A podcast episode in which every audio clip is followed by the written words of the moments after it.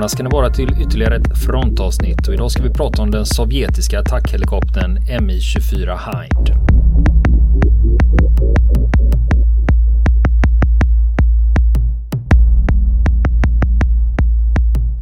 Samtidigt som det här kriget på 80-talet i Afghanistan så används Mi-24 i ett annat krig för fullt. Iran, Irak. 19, som började 1981 med att Irak anföll Iran. Och eh, slutade 1988 så det var också nästan ett årtionde av krig. Och eh, med väldigt få terrängvinster och mm, enorma förluster på båda sidor.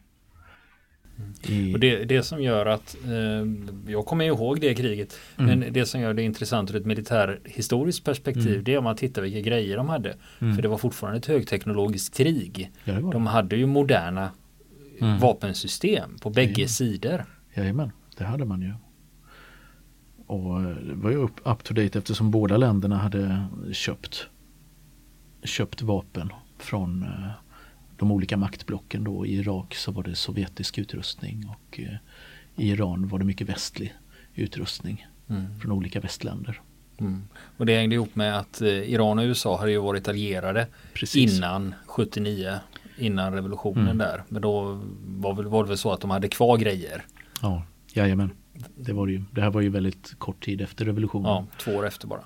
Och eh, i det kriget så är det Mi-24 fast i det som kallas exportversionen, Mi-25, som eh, deltar i striderna på irakisk sida. Och eh, nu kan jag inte data kring eh, exportversionen men generellt sett brukar det vara så att exportversionen av sovjetiska vapen lite sämre, lite tunnare bepansring, lite sämre riktmedel, lite sämre elektronik och så vidare. Å andra sidan väldigt billigt, väldigt pålitligt. Den användes eh, ofta i kombination med den franska gasellhelikoptern på irakisk sida där, eh, där eh, hinden, den ryska hinden dundrar fram i täten som en eh, murbräcka och brassar på eh, för fullt med sina vapen. Efteråt så kommer eh, Gazellen med pansarvärnsrobotar och slår ut pansarfordonen på slagfältet. Mm. För Gazellen är väl en mm. lätt attackhelikopter? Just det, precis. Precis.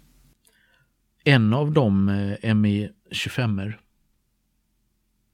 som deltog i det här kriget eh, blev eh, nedskjuten efter nedskjutningen utställd på ett museum i Teheran där den fortfarande visas som man vill se en, en som deltog i just det kriget, då får, man, då får man åka till Iran på semester. Får man göra. Hindarna spelade en stor roll i det här kriget då på irakisk sida men eh, de var känsliga för eld från marken. Där man hade lärt sig att bekämpa dem med grövre vapen och robotar. De användes också av Irak i kemiska anfall mot kurdiska byar och städer. var en ökänd mörkt kapitel i, i det här. De som eh, har minnen från slutet av 80-talet minns de här bilderna från norra Irak på ihjälgasade civilpersoner. Och eh, det var hinden ett av, eh, eller det ska man säga, fordon eller den den farkost som användes för att sprida gasen. Många gånger.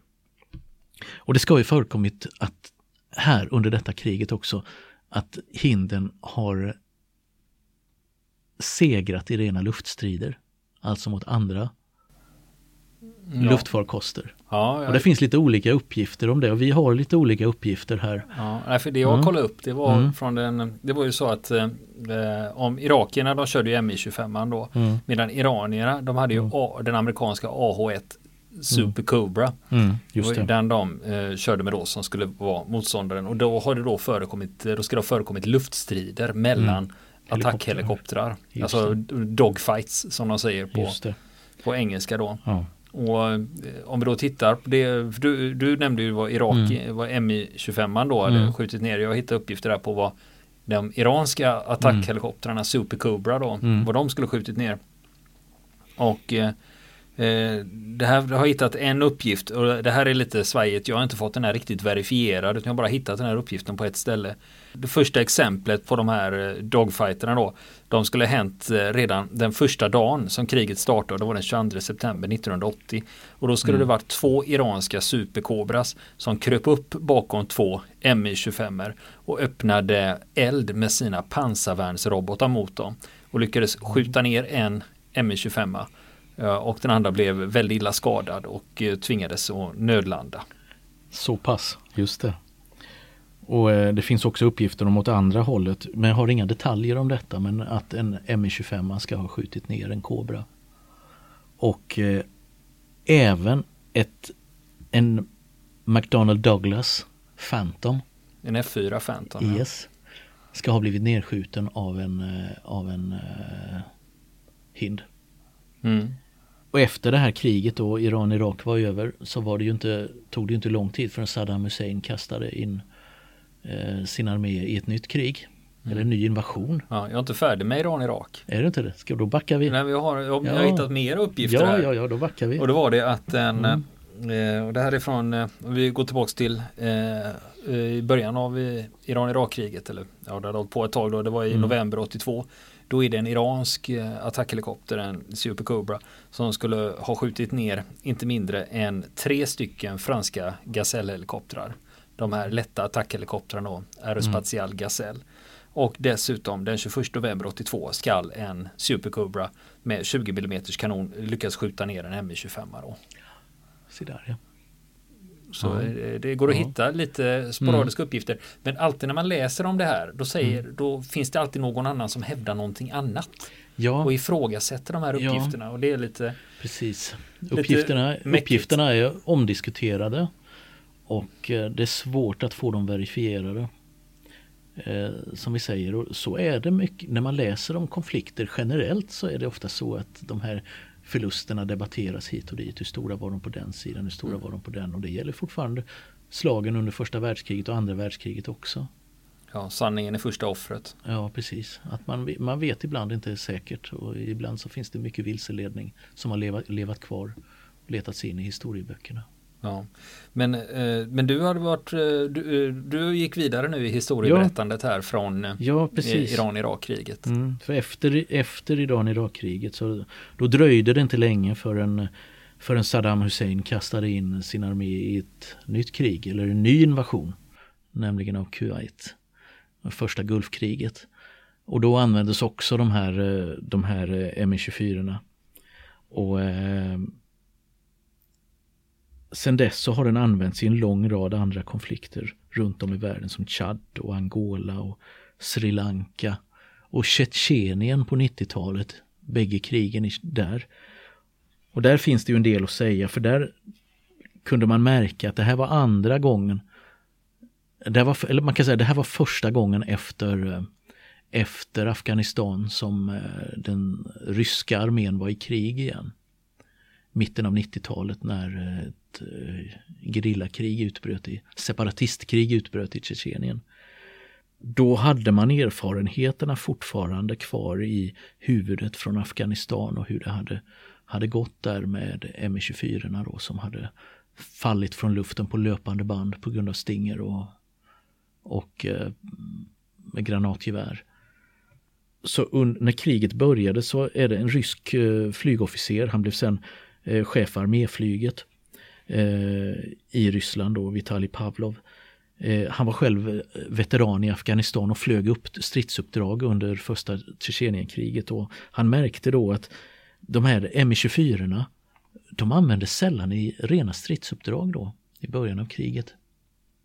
Utan de användes rena transporthelikoptrar och för evakuering av sjuka och sårade.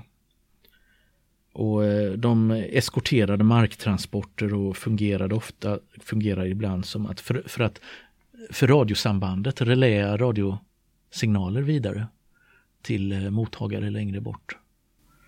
Flygande router. Ja, typ. Precis. Och det var väldigt sällan de var insatta som attackhelikoptrar i början. Och eh, de bedömdes då av den eh, ryska militärledningen eh, att ha blivit tekniskt föråldrade. De modellerna som existerade då av Mi-24 hade ganska begränsad insatsförmåga. De kunde användas i dagsljus och fint väder. Det hade redan kommit nyare helikoptertyper som var bättre men de användes inte i just det kriget som KA-50 och Mi-28. Man hade en otillräcklig navigeringsutrustning då, den höll, höll inte längre måttet och radarn var dålig. Och, vilket då begränsade användningen under natten då och i dåligt väder. Då gick den inte att använda så, så bra. För sikten behövde vara minst en och en halv kilometer för att piloterna tidigt skulle se målet. Sen användes de återigen i nästa krig i Tjetjenien i slutet av 90-talet och det var ett krig som hade en helt annan karaktär än det första. Var det, första var rätt schabbligt, eh, oskickligt kan man väl sammanfatta det med från rysk sida. Blodigt och oskickligt. Nästa krig, då är, vi in, då är Vladimir Putin premiärminister i uh, Ryssland. Och det här blir ett helt annat typ av krig eh, där man satsade på stor överlä materiell överlägsenhet. Man var extremt hänsynslösa under det här då för att kväsa motståndarna i det här kriget och då satte man återigen in Mi-24 som markunderstöd. Och man hade glömt bort läxorna från Afghanistan. Det här var Tjetjenien är till stor del ett bergsland. Man hade glömt det här med hur man kunde utsättas för bakhåll. Eh, bland annat så hade man en eh, en radio, det var brist på radioapparater med, som eh, sände, sände i kod.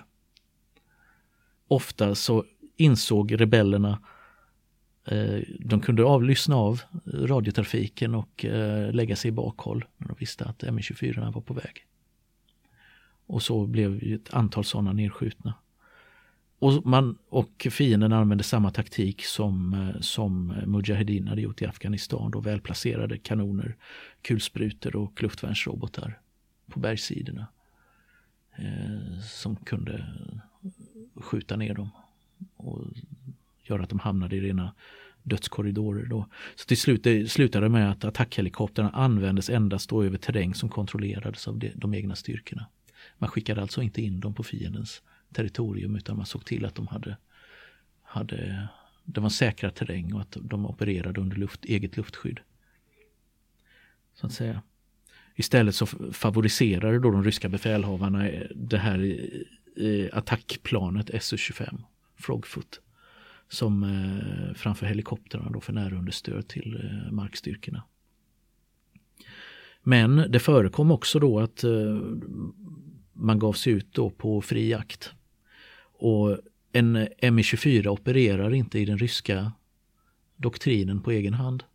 Som man kan se dem i filmerna. Det gör de inte utan de opererar alltid parvis. Gör de. I strids, som ett stridspar. Och, eh, eller i grupper om fyra eller rent av i grupper om sex. Men aldrig ensamma. Fler ögon som ser och eh, väldigt mycket eldkraft mot samma mål. Och de användes också för Search and Rescue. Då man letar rätt på störtade piloter och, och eh, andra avskurna förband runt om som man behövde, behövde plocka upp och då är det bra att ha ordentligt med eldkraft med sig. Och det hade ju de här helikoptrarna. Slutligen då under det här kriget så moderniserades en del av helikoptrarna för att faktiskt kunna strida på natten. Men då den här radion, då den krypterade radion, som avsaknad av den var ett stort problem. Eh, och andra saker som att det fanns ingen GPS ombord vilket gjorde att piloten faktiskt måste, man fick lita till att piloten kunde läsa av terrängen och visste var han var. Istället för att kunna förlita sig på, eh, på elektroniska hjälpmedel. Och trots de förluster den drabbades av då i Tjetjenien så visar den återigen då att det var en väldigt robust konstruktion som kunde tåla otroligt mycket stryk innan de, innan de gick i backen. Det finns eh, omvittnat exempel på hur de har linkat tillbaka till basen med upp till 30 kul eller granathål i skrovet och ändå satts ner på backen, reparerat snabbt och så ut igen. Och eh, sett 30 kulor i en gasell eller någon annan så flyger de inte, eller i en Huey. Så eh, skulle de nog inte eh, vara så, eh, ska man säga, stridsdugliga längre. De modellerna. Och sen har de efter det faktiskt använts i Afghanistan en gång till. MI-24 efter den amerikanska invasionen. Polska koalitionsstyrkor som tjänstgjorde i eh, Afghanistan hade med sig MI-24 dit och skänkte faktiskt några av sina till det afghanska flygvapnet. Men du kan ju tänka dig det, mm. de som afghanerna som mm. hade upplevt det här kriget ja, under 80-talet och sen ja. går det 20 år och så kommer det Så kommer de tillbaka. En liksom. till. ja, precis, precis. Inte kriget slut. What the fuck liksom, ja, drömmen. Det kriget kanske vi ska tillägga. Ja, precis. Mm. Och som sagt, massa andra krig har de, har de använts i Sydossetien 2008, Gaddafi 2011 mot rebellerna mm. använde också MI24. Eh, på Balkan har, användes det också under krigen på 90-talet och på flera andra håll. Och idag är det en, det är en omodern helikopter idag. Den är föråldrad. Eh, kommit modernare och betydligt potentare helikoptertyper på, eh, i olika länders eh, stridskrafter. Men den är fortfarande i tjänst. Det finns flera hundra kvar i det ryska arméflyget. Siffrorna varierar från kanske 300 till 700. Och sen brukar det vara en annan mm. grej. När, det, när vi pratar om föråldrade vapensystem mm. Mm. så är, men det brukar fortfarande vara gångbart i tredje världen. Jajamän. På många håll. Jajamän. Det rullar fortfarande in vissa länder T55, alltså stridsvagnar tillverkade på 50-60-talet. Och, de eh, gör eh, tjänst i den miljön på ett eh, effektivt sätt många gånger. Och full, fullföljer de uppdrag de ska göra i den mil militära miljö de befinner sig i. Men det är ju urgamla konstruktioner sett med dagens ögon som inte skulle kunna överleva två sekunder på ett modernt slagfält. Nej men Kalashnikoven ja. fyller ju för fan 70 år. Ja så faktiskt. Att, så faktiskt. Att, den fyller 70 år i ja. år. Så att, ja. ja det är sant. Det är ju, den används fortfarande. Ja, fast, i, fast i Ryssland den är nedsatt av en modernare automatkarbin. Mm. Nej men det är just det att det fortfarande mm. dyker upp grejer, ja, gamla grejer. Precis. Så att det finns eh, troligtvis eh, någonstans 1500 MI24 i tjänst. Hälften i Ryssland, hälften på andra håll i världen. Och det gör att det finns fortfarande en marknad för uppgraderingar för att hålla liv i den här konstruktionen. Modernisera elektroniken, modernisera vapensystemen. MI35 heter den senaste exportvarianten av, eh, av den här helikoptermodellen. Och det är faktiskt en uppgradering som fabriken gör av gamla helikoptrar. Så de får, man renoverar flygskrovet för att öka livslängden, man monterar i nya motorer, förbättrad elektronik, förbättrad beväpning. Robotar för flygstrider, air to air. Och eh, det har även diskuterats Tidigare har jag sett att man ska modernisera de, de helikoptrarna som är i rysk tjänst för att öka livslängden och effektiviteten på dem också. Men det kan jag inte svara på hur det har gått. Kan inte göra det. Men nu har Mi-24 fått lämna tronen kan man säga för sin efterföljare Mi-28 Havoc heter den, kallas den på, på eh, NATO-språk då som är en vidareutveckling från Mi-24 men istället för transportförmågan där så har man ja, ligger betoningen på pansarvärnsplattform. Alltså en vapenplattform för att slå ut stridsvagnar och andra pansarfordon. Och motmedel då för att den ska öka livslängden på slagfältet. Överlevnadsförmågan på slagfältet. 24ans dagar får väl ses som räknade men den används fortfarande flitigt. Mm. Jag har en historia här från mm. 80-talet. Mm. Och det var ju så att USA var ju väldigt nyfikna på MI24 då. Mm. Och de hade fortfarande inte lyckats få tag på någon. Mm. Men 1987 mm. då öppnade sig en möjlighet. Och då får vi gå till Nordafrika för där handlar det om Libyen och Chad. Mm. Och det är ju två länder som vid den här tiden inte var så såta grannar. Det som hände var att eh, Libyen stödda rebeller eh, försökte störta eh, regeringen i Chad. Mm. Och eh, libyerna de försökte och även ockupera territorier då som tillhörde Chad. Men till slut så lyckas Chads eh, trupper slå tillbaka de libyska styrkorna och slänga ut dem ur landet helt och hållet. Och det här skedde då 1987. Och när de libyska styrkorna drog sig tillbaka då lämnade de efter sig mängder av materiel. Och det var, det var både pansar och det var luftvärnsgrejer och bland annat en M24 Hind, eller Hind då, den här de, eh, modellen de lämnade efter sig det var en Hind D och den var i ganska gott skick. Mm. Så det, var det är liksom grundmodellen inget, Ja, mm. så det var liksom ingen, det här var inget vrak. Nej. Utan det här var liksom ett, ett, en fungerande Hind. Mm. Och, eh, och eh, det som händer det är att CIA får nys om det här att i Chad, där står det en hind mm. och, och, bara väntar. och de fick, eh, visste ju också eh, var den var någonstans. Det var på ett flygfält som ligger vid en stad som heter Oadi Dom. Mm.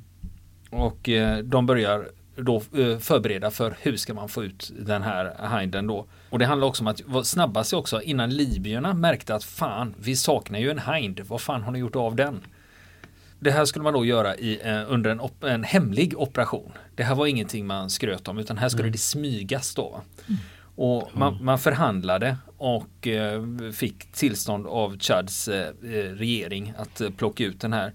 Och då fick sig vända sig till försvarsdepartementet i USA och säga hej, vi behöver hjälp med en transport. Och då funderar de så här att hur ska vi göra nu? Ska vi plocka ner den eller ska vi försöka lyfta ut den? Och det var ju bråttom då va? Mm. Så att då bestämde man sig, nej vi ska nog försöka lyfta ut den så snabbt som mm. möjligt. Så man planerade en operation för det här och den operationen den hette Mount Hope 3. Och första man skulle göra då det var att man skulle ha tag på ett gäng piloter som eh, var tillräckligt motiverade och duktiga då för att eh, kunna genomföra en sån här operation. Och det gick det till ett eh, ganska legendariskt och känt förband.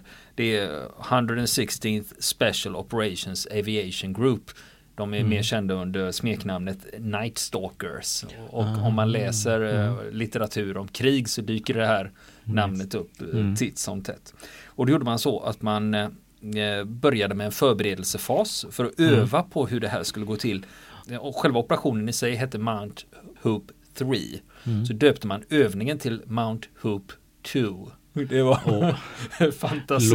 Låg, precis. och då började de i öknen i New Mexico i april 1987. Mm. Och det man skulle göra då, man skulle ta Chinook mm. från E-kompaniet i 160 mm. Och eh, de modifierade den så den skulle kunna klara av att lyfta en hind. Mm.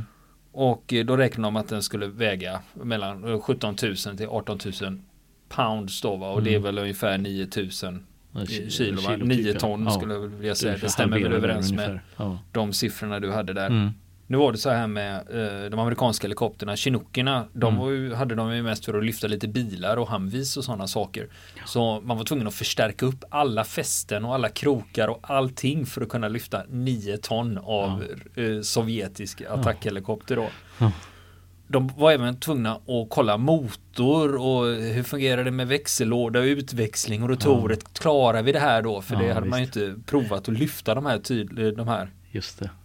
Och sen gjorde man ju då övningsförsök då när man lyfte vattentankar av den här storleken eller den här tyngden då för att se liksom, är det här överhuvudtaget möjligt att genomföra. Och sen när operationen sätter igång då är det The Night Stalkers då tar de med sig sina Chinooks eh, och då flyger de till en FSB, det är Forward Support Base då, en framskjuten mm. Det är inte ryska säkerhetstjänsten alltså? Nej, faktiskt inte.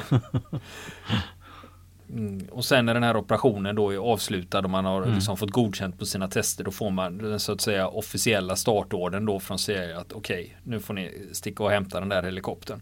Och det var den 21 maj då verkställde man orden då. Och då kom det ända, ända uppifrån presidenten kom den här orden att det var okej okay att köra igång. Och de sätter igång och så tar de med sig två Chinooks och de kör, flyger inte hela vägen utan man kör in dem i ett stort mm. flygplan, mm. C, C5 Galaxy. Mm. Och det är sånt här gigantiskt eh, transportplan som jänkarna har. Och så först åker man till Tyskland och sen åkte man till eh, flygfältet i N'Djamena och det ligger mm. i södra Chad. N'Djamena ja, just det. Du känner till det? Ja, du sa det som att det är ja. jättebekant. Har jag missat? Vad har hänt där? Det har säkert hänt något av militärhistoriskt ja, värde. Chad har det ju varit krig i. Ja, Chad och det var... ja, det hade varit krig. Det känner vi igen. Man hade faktiskt tillgång till soldater som spanade på det här mm. området för att se för att libyerna var inte så jättelångt borta från flygfältet. Så under två veckor så ligger de och håller bevakning mm. på området för att se att det inte kommer några libyer och försöker ta tillbaka sin borttappade helikopter. Mm. Och sen är det också franska regeringen. De stödde det här också. Chad mm. och Frankrike har ju haft en lång historia ihop.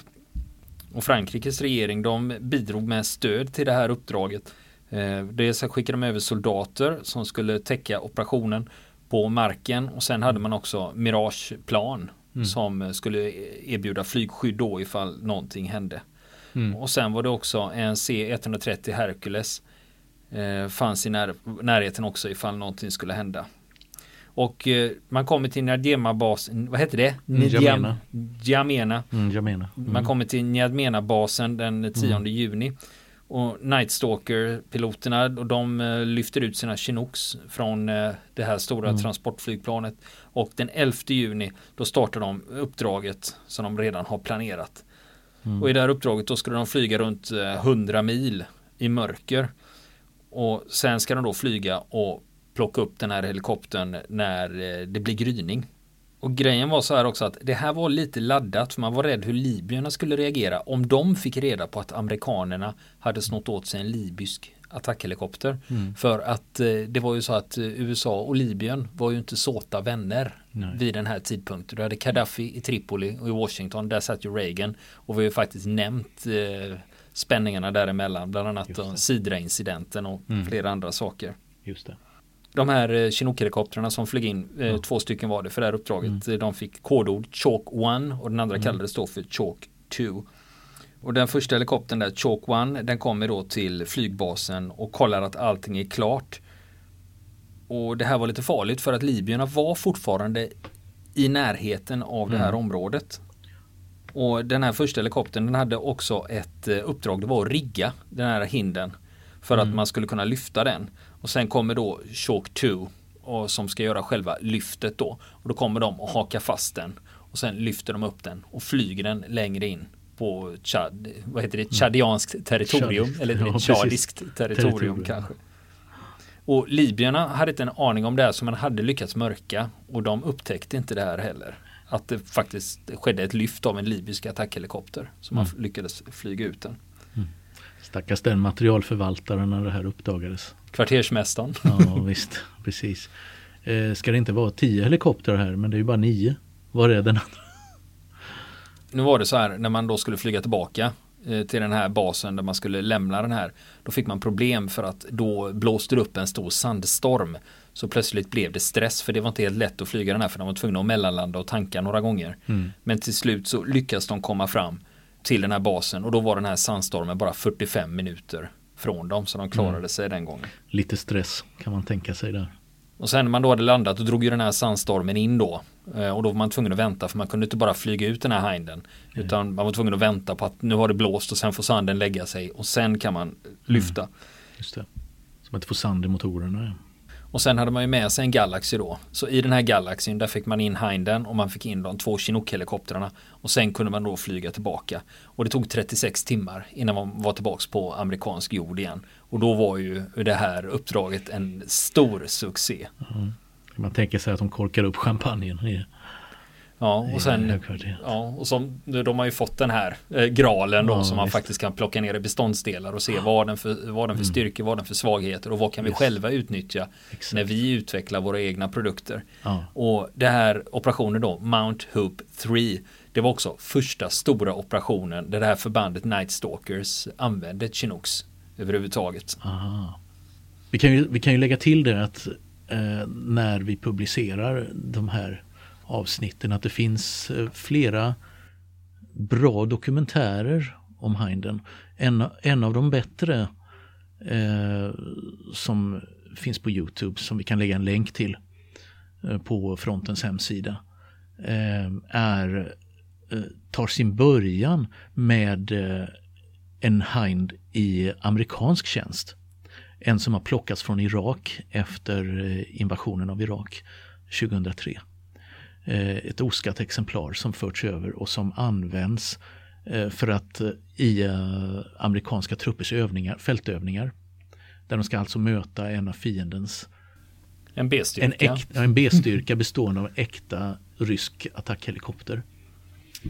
Och där de flygs av amerikanska besättningar då, men som har lärt sig den sovjetiska stridstaktiken och, eh, och utnyttjar den.